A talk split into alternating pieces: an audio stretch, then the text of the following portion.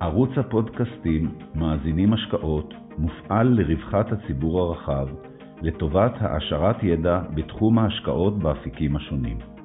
יוזמת ומפעילת הערוץ הינה חברת פיננסים ניהול הון פרטי בע"מ, העוסקת בייעוץ השקעות. מנחה הפודקאסטים הינו דוקטור איתי גלילי, מנכ"ל החברה. כן. אלכס, בוקר טוב. בוקר טוב. תודה רבה שאתה מצטרף אלינו לפודקאסט הבוקר. בשמחה. אנחנו למעשה הולכים לדון היום בתחום שהוא אה, מאוד רחב, והרקע המקצועי שלך מאפשר בתחום של הרפואה, בפרט על תחום של אה, חדשנות טכנולוגית בתחום הרפואה. אה, אחד האפיקים גם הבולטים בשנה האחרונה, בשנים האחרונות, וגם עם הצפי שלו קדימה. בוא נתחיל בלשמוע קצת על הרקע המקצועי שלך, לפני שנגיע לעולם ההשקעות. בשמחה. אז בהשכלתי אני מדען, כימאי, תואר שלישי בביוכימיה, ואחר כך פוסט בכימיה אורגנית במכון ויצמן, ומאז בערך 25 שנה פלוס אני עובד בתעשיית פארמה, רוב השנים כסמנכ"ל פיתוח באחת מהחטיבות של חברה גלובלית פריגו, עם נוכחות גם בישראל, ולפני שלוש שנים פרשתי והקמתי חברת ייעוץ עסקי מדעי בשם קלטי הפארמה, וכל העולם שלי כבר 30 שנה זה עולם של כימיה, תרופות וכל מה שקשור לפיתוח תרופות חדשות וטכנולוגיות חדשות. למעשה היום בין היתר אתה גם יועץ לקרנות נאמנות בעולם של ההשקעות, למנהלי ההשקעות, בתחום של חדשנות רפואית. אז מה שהייתי שמח, אם קודם כל תוכל לספר לנו איך אתה רואה, מה נקרא למעשה חדשנות רפואית. בשמחה, אני באמת יועץ לאינטראקטיב בישראל, וחדשנות רפואית זה תחום שקודם כל הוא נוגע לכל אחד ואחד מאיתנו, כי אנחנו כולנו חשופים לכל ההתפתחויות הטכנולוגיות, אם זה פינטק, ואם זה מכוניות חשמליות ואוטונומיות, ואם זה אנרגיה נקייה וכולי וכולי. ואנחנו הרבה פעמים שוכחים שכדי ליהנות מכל הפירות הצמיחה הטכנולוגית הזאת, אנחנו רוצים להיות א', בריאים, וב', כמה שיותר שנים. ולכן פיתוחים רפואיים שמאפשרים לנו להיות בריאים ולהיות לאורך שנים כדי ליהנות מכל ההתפתחות העולמית הטכנולוגית הם חשובים מאוד. והרבה פעמים בריצה שלנו מאחורי תענוגים ומאחורי התפתחויות וגאדג'טים אנחנו שוכחים מזה, למרות שזה חלק מאוד חשוב והוא בעצם חלק יסוד, כי ברגע שבן אדם מאבד את הבריאות או חולה, אז המחשבה שלו כבר מתרכזת סביב דברים אחרים סביב את הפינוקים, כסף ואחרים. אז לכן התחום הזה הוא מאוד מרתק, הוא מאוד חשוב, ועובדתית הוא גם התפתח בעשורים האחרונים, מה שאנחנו רואים גם בתוחלת החיים ארוכה יותר, וגם סגנון חיים בריא יותר, שמאפשר הודות להרבה פיתוחים רפואיים, אם זה בתחום תרופות, אם זה בתחומים אחרים. עכשיו, שלמעשה בתחום, מה שאתה אומר זה למעשה על כל התחום של התחום רפואי. למעשה כל ענפי כן. הרפואה הם חשובים. אבל שאנחנו, אם אתה מסתכל על כל השנים שאתה נמצא בשוק הזה, מה אנחנו נמצאים כרגע בתחום שהוא חדשנות שלא היה קודם, או מה ניתן לצפות כן. פני עתיד שיהיה לנו פתרונות שלא קיימים כרגע? אה, בהחלט. קודם כל, אנחנו יכולים לציין שטכנולוגיות פיתוח, גילוי ופיתוח תרופות חדשות אה, השתנו מן היסוד, וזה עוד פעם הודות לשילוב של אפשרויות אה, שמביאות לנו את ההתפתחות של המחשבים ותוכנות, שמהרבה פעמים תרופות היום אה, מתכננים במחשב לפני שמסנטזים אותו אה, במעבדה. וזה בהחלט אה, פריצת דרך שהתחילה לפני כשניים, שלושה עשורים. עד אז התרופות היו מסנתזים סדרה של תרופות במעבדה, ועושים מין סריקה, ואם מגלים תרופה שפעילה, אז ממשיכים איתה לניסויים קליניים. היום בהרבה אה, מקומות זה השתנה, וטכנולוגיות של פיתוח השתנו, מה שמאפשר להביא תרופות שהן יעילות יותר, ממוקדות יותר למטרה, עם פחות תופעות לוואי, עם uh, מינונים יותר נמוכים וכל מה שמשתמע מזה. Uh, דוגמה אחת. דוגמה שנייה, שזה ממש נשמע כמו מדע בדיוני היום, זה כל התרפיית גנים או יכולת שלה, שלנו להתערב במחלות גנטיות, שבעצם מקורם שלהם בפגם גנטי כזה או אחר ב-DNA של בן אדם. ועד לא מזמן חלק מהמחלות האלה היו מחלות שבעצם חשוכות מרפא, קטלניות, ש... אה, כמו שאנחנו מכירים. אה, והיום, הודות להתפתחות של טכנולוגית, וטכנולוגיה היא משלבת מחשבים וכימיה ומכשור ואלגוריתמים והרבה דברים אחרים, אה, היום יש תרופות, כמו שהזוגנסמה מפורסמת, שבהזרקה אחת אה, מצילה את החיים אנשים שהיו בעצם, אם היו נולדים עם הפגם גנטי הזה, בעצם היו חיים כמה שנים, בקושי מגיעים לגיל עשר ומתים. היום, הודות לטכנולוגיה הזאת ולפיתוח תרופות גנטיות, הזרקה יחידה, בודדה, של התרופה הזאת, לכל החיים מצילה את הבן אדם, והוא מתחיל להיות חיים נורמליים. זה נשמע כמו מדע בדיוני, וזה אחת מהדוגמאות. חדשנות רפואית, וזה ענף שדרך אגב אה, הולך ומתפתח בקצב מאוד מהיר, כי עדיין יש מחלות שלא מצאו להן טיפול. אה, דוגמה נוספת זה אה, כל הקטע של האבחון. היום, בוא נגיד ככה, הרבה פעמים מערכת בריאות הרבה יותר זול והרבה יותר חסכוני למנוע מחלה או לתפוס את מחלה בשלבים המוקדמים, מה שמאפשר או לחסוך הרבה כסף למערכת הבריאות, וגם בטיפולים, כי אם מחלה נתפסת בשלבים מוקדמים, הרבה פעמים יותר קל לטפל בה, ועלויות טיפול הרבה יותר נמוכות. וגם פה יש המון אה, טכנולוגיות אבחון, עכשיו עוד פעם משלבות את הקטע, ידע כימי וידע במחשבים ואלגוריתמים מיוחדים, שהרבה מחלות היום אפשר לזהות בשלבים מאוד מוקדמים, אם זה מחלות, עוד פעם, גנטיות, שיש את הפרופיל, עושים את הרצף אה, גנום של הבן אדם, או מחלות מטבוליות שאפשר לחזות את ההתפתחות שלהן, או מחלות דם, ולהתחיל טיפול הרבה יותר מוקדם, ודוגמה הכי קיצונית שאני יכול להביא, זה סרטן הלבלב, מחלה שבדרך כלל קשה מאוד לאבחון מוקדם, וכשהיא מתפרצת היא מחלה קטלנית שעד היום אין תרופה יעילה, ויש כבר חברה שפיתחה את הבדיקת דם מאוד מבוססת על אלגוריתם ופרופיל של מה שנקרא ביומרקרים מאוד מסובך, אבל עם דיוק של 96% יכולה לחזות אם אה, בן אדם אה, יש סיכוי לחלות בסרטן הלבלב. וחיזוי מוקדם של סרטן הלבלב מאפשר להתחיל טיפול יותר. בשלבים יותר מוקדמים, מה שבהחלט יכול אה, להציל או להאריך את החיים של החולה בכמה שנים טובות, מה שלא ניתן היום לעשות. וזה עוד פעם דוגמה אחת. דוגמה, דוגמאות נוספות, וזה עולם שלם במלואו, זה המכשירים רפואיים, מה שנקרא medical devices. זה עולם שהתפתח אה, הודות להתפתחויות טכנולוגיות בתחום אלקטרוניקה ותוכנה ומחשבים, שבעזרתם, או בשילוב של המכשירים ותרופות, ניתן לטפל בהרבה מחלות שקודם לא היה ניתן לטפל, כמו מחלות עיניים, כמו אבחונים, דברים כאלה.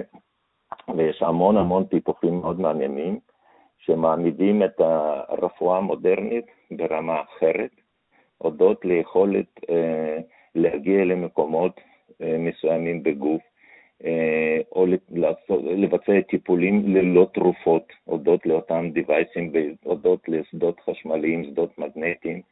אה, למשל, יש חברות שכבר עם המכשירים שקיבלו אישור של רשויות לטיפול בכאבי גב ללא תרופות, שזה מדהים, שיעיל בהרבה מצבים וכן הלאה.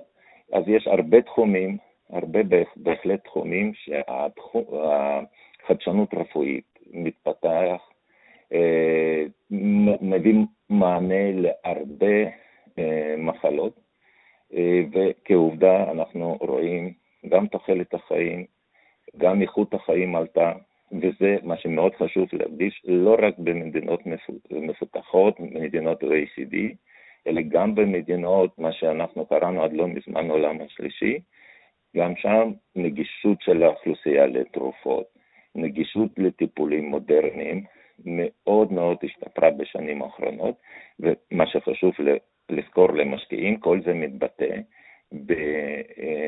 בהכנסות יפות לאותן חברות פארמה או מכשירים רפואיים או חברות אה, אה, שמשווקות את המכשירים או סטים, תרופות, אה, סליחה, חומרים לאבחונים. ובהחלט מעלה ערך של אותן חברות, וכתוצאה נהנים גם את המשתמשים במוצרים של התרופות וגם את המשקיעים. אנחנו ראינו ב, למעשה במשבר של הקורונה, שלמעשה החיסונים שכולנו לפחות בישראל, כולנו, הרבה בישראל קיבלו, מבוססת על טכנולוגיה חדשה, ופה נדרשו לקבל החלטה של לאשר תרופה במהירות, וזה יצר אה, איזשהן תגובות שליליות בקרב רבים שפחדו מאוד מהאישור של האישורים שניתנים. עכשיו, הסיבה שאני מעלה את זה כי בתחום הרפואי יש המון המון חברות עם המון חדשנות, אבל מה, איך הרגולציה יכולה להתאים את עצמה עד שיאשרו את הדברים המבטיחים האלה שנמצאים בצנרת? האם, האם כל התהליך של הבדיקה והרגולציה הוא מותאם לכמות כזאת גדולה של חברות עם אה, פריצות דרך טכנולוגיות?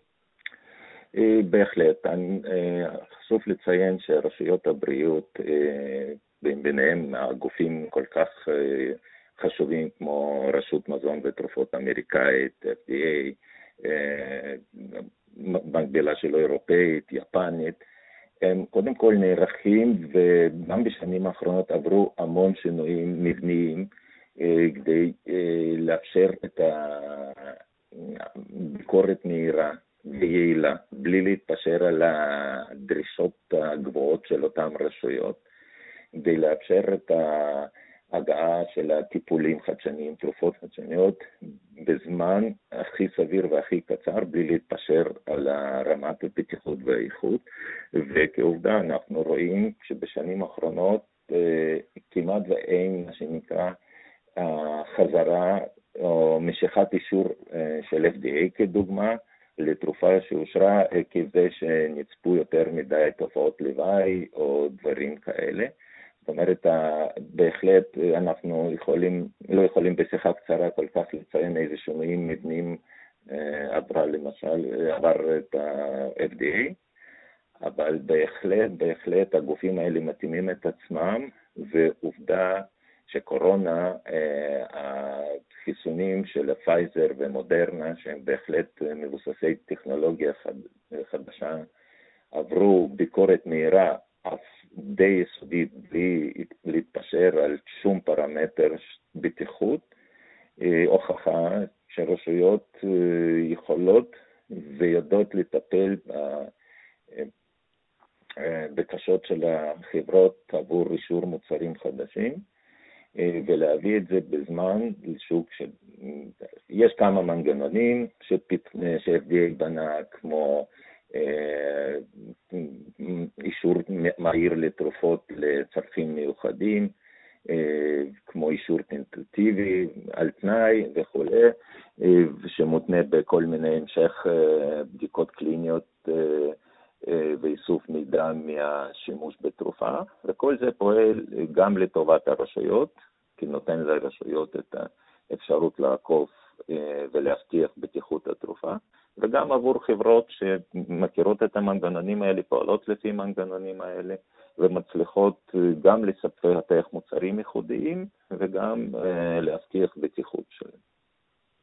אה, אולי ניגע קצת ברקע המקצועי שלך, שאתה עסקת גם, אמרת, גם בישראל וגם בחו"ל. עד כמה אתה רואה את ה... ממה שאתה חשוף, אה, עד כמה ישראל היא משמעותית בתחום של החדשנות הרפואית? אנחנו רגילים בעיקר לדבר על סייבר, ועכשיו יש גיימינג וכל מיני דברים כאלה. עד כמה הנוכחות של חברות ישראליות, אתה רואה אותה חשובה בתעשייה הזאת?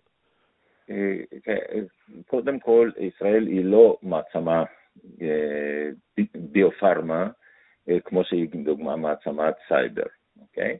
אבל יש חברות ישראליות בהחלט עם פיתוחים מאוד מעניינים, ופיתוחים האלה יכולים, דרך אגב, יש הרבה חברות פרטיות שלא מונפקות בישראל, ויש חברות ציבוריות ישראליות שיש בפורטפוליו שלהם פיתוחים מאוד מעניינים, שיש להם בהחלט עתיד, אני יכול לציין חברת גלמד, אה, שהיא מונפקת בנסדק, שמפתחת תרופה למחלה שעדיין, אה, מחלה מאוד נפוצה, מחלת כבד שומני, אה, או שמכבד שומני מתפתח את הפיברוזיס וצירוזיס וכן הלאה, שנכון להיום אין תרופה, למרות שרק בארצות הברית יש 30 מיליון חולים, אוקיי? בכובד שומני, והנה דוגמה שחברה ישראלית כבר נמצאת בשלב ניסויים קליניים מתקדמים, אה, ואנחנו כולנו תקווה שתרופה הזאת, שהיא דרך אגב הוכחה כמאוד בטוחה, יהיה גם, יימצא גם שהיא יעילה, וזה באמת פריצת דרך לשוק ענק, ואפשר לציין עוד חברות אה, בתחומים נוספים, שפועלות בישראל, או שלוחות של חברות בינלאומיות שפועלות בישראל, שבהחלט יש להן מקום. אומנם מספר שלהם יחסית מוגבל, ואת כמות המוצרים בהתאם לא אינסופית, אבל ישראל בהחלט גם על המפה של עולם הרפואה, החדשנות הרפואית. ויש פה חברות מעניינות שבהחלט אה, יש להן עתיד אה, מאוד מעניין, במידה שהצליחו בניסויים קליניים. יש uh, תחומים שהיית ממליץ uh, תחת הקטגוריה הזאת שהם לא בשלים, מוקדמים מדי, טריטוריות שלא כדאי להיכנס אליהם? Uh, או שצריך להיזהר יותר מאשר תחומים אחרים? בהחלט. יש תחומים עם אה, מה שנקרא סיכון הרבה יותר גבוה, אה, וקודם כל בעיניי זה תחום למשל של מחלות אה, נאורופסיכוטיות, שקשורות חלקם למה שנקרא הזדקנות, כמו דוגמה אלצהיימר, פרקינסון, וחלקם הם פשוט נוכחות באחוז מסוים של האוכלוסייה. אה, נכון להיום לציין שלמשל באלצהיימר אה, בעצם אין אה, תרופה יעילה, גם כל תרופות שהגיעו לשלבים מתקדמים נפלו בניסויים קליניים, זאת אומרת כמעט 100% נפלו. יש איזה מין חצי תרופה שלא כל כך יעילה, שקיבלה אישור ושוק הגיב בהתאם. ועוד תרופה שהיום בדרך לאישור, שעדיין אה, מטפלת בעיקר בסימפטומים ולא במה אה, שנקרא מהות המחלה, וזה תחום מאוד מסוכן. אז כמו שבכל דבר, אה, תחום עם יותר סיכון, הראשון שמצליח יכול לקחת כל הקופה, ויש הרבה חברות שרצות על אלצהיימר, ביניהם הרבה חברות פרטיות, אבל חלקם גם ציבוריות. שבהחלט אה, אני מצפה שרובם יפלו. אבל... מה שאתה אומר שהסיכון הוא גבוה בגלל שההסתברות המדעית לפצח את החידה הזאת היא נמוכה. בהחלט, כי גם מנגנון עוד לא פוצח עד הסוף, גם אה, ברגע שאתה לא מזהה את המטרה או מקור המחלה, יותר קשה למצוא לך אה, מטרה לתרופה וקשה יותר אה, לפצח. וזה בהחלט אה, תחום מאוד מסוכן, והשקעה בתחום הזה צריכה להיות מאוד מבוקרת, כי גודל הסיכוי הוא כגודל הסיכון, ויכול להיות שאחד מהם בסוף יצליח ויקח את כל הקופה, או, של, או שלא, אוקיי? אז לכן תחום הזה הוא בהחלט, למשל כדוגמה, זה תחום מאוד מסוכן.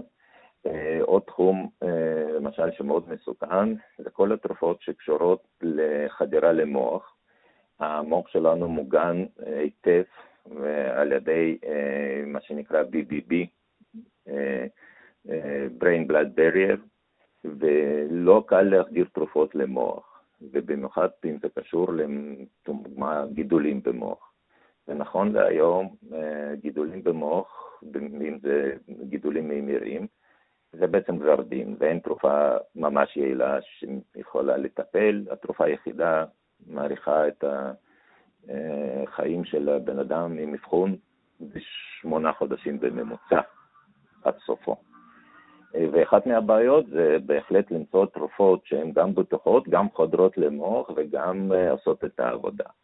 אז למשל התחום הזה הוא גם כן, יש לא מעט חברות שרצות, וסיכויי הצלחה אפשר להעריך כ-50-50 או נמוכים יותר, ולכן זה גם תחום מאוד מסוכן להשקעה, ומצד שני גם, אם לזהות נכון את החברה עם הפיתוח שאנחנו נעריך שהוא הכי יכול לעבוד, אז יכולה להיות גם הצלחה למי שהשקיע באותה חברה. איך אתה מתייחס לכל התחום מבחינת סיכון של התרופות החדשות לסרטן בהתאמה אישית, כל הפיתוחים שיש בתחום הזה? עד כמה הטכנולוגיות בשלות ו... אה, מה, מה ניתן לצפות בעולם הזה?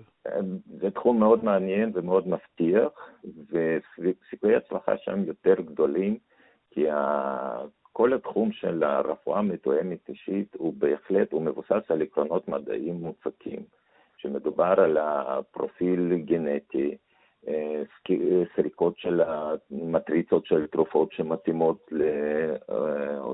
לאותה מחלה, ובהחלט, בהחלט, וגם בשילוב עם, עוד פעם, עם ההתקדמות בתוכנות ובמחשבים ובפיתוח אלגוריתמים, זה תחום שבהחלט צומח, ויש חברות שכבר מאוד הצליחו, ויש לחברות האלה זכות קיום, וללא ספק, אה, אם לא כולם אז רובם, הצליחו להביא בשנים הקרובות את המוצרים או אה, תוכנות לאבחון אה, מחלה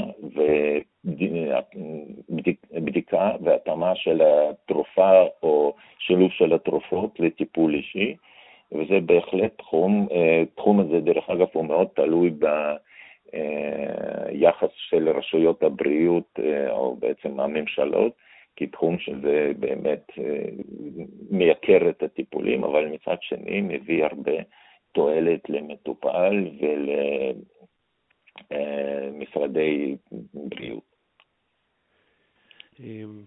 נגענו רק אה, בקצת, ואולי זאת תהיה השאלה האחרונה שאני ארצה לשאול אותך, זה נוגע להשפעה של הפתרונות של החיסונים של הקורונה, הטכנולוגיה החדשה של מודרנה ופייזר. אתה רואה איזשהו שינוי שצפוי להיות בעולם החיסונים כתוצאה מהאירוע הזה? או שזה פשוט משהו אקראי שקרה ולא לא, לא, לא צפוי להשפיע? זה בהחלט, כמו כל, תראה, אנחנו מדברים על זה שחיסונים ניתן לייצר בכמה שיטות, אוקיי? עד לא מזמן נוהגה שיטה שבעצם שיטה מסורתית, אה, שקיימת כבר אה, עשרות אם לא מאות שנים, אה, והיא גם הייתה שיטה שעד היום אנחנו רואים הוכחות שהיא שיטה שניתן לייצר חיסונים יעילים אה, לרוב המחלות, וחלקם גם פעילות אה, לאורך זמן. יחד עם זאת, אה, יש פלטפורמות נוספות, דוגמה של פלטפורמה של פייזר ומודרנה, שהם משתמשים עיקרון אחר, וללא ספק יש להם זכות קיום ומעבר לזה, כי פלטפורמות האלה יכול להיות שהצליחו לייצר וקסינות, חיסונים, למקומות שבהם פלטפורמה המסורתית נכשלה או לא נותנת חיסון מספיק יעיל.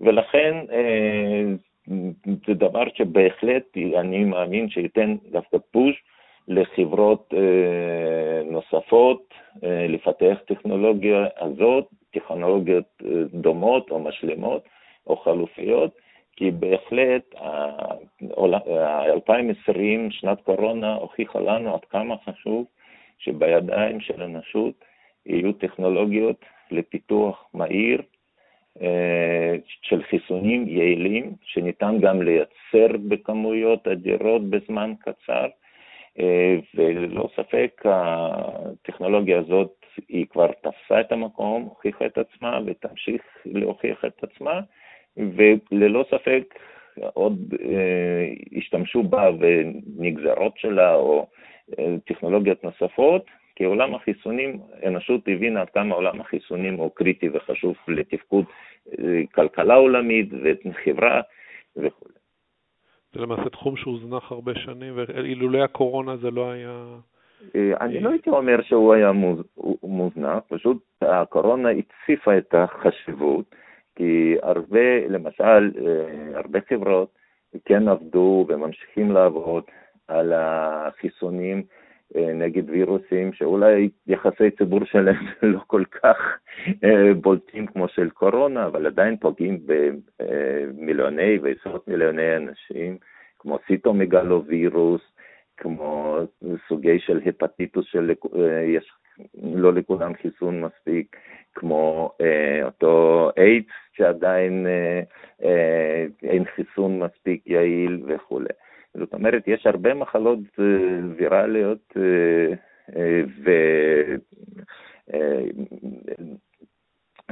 מזוהמות שהן לא קורונה, שעדיין האנושות אה, סובלת מהן, במיוחד יש מדינות עולם השלישי שזה מאוד נפוץ.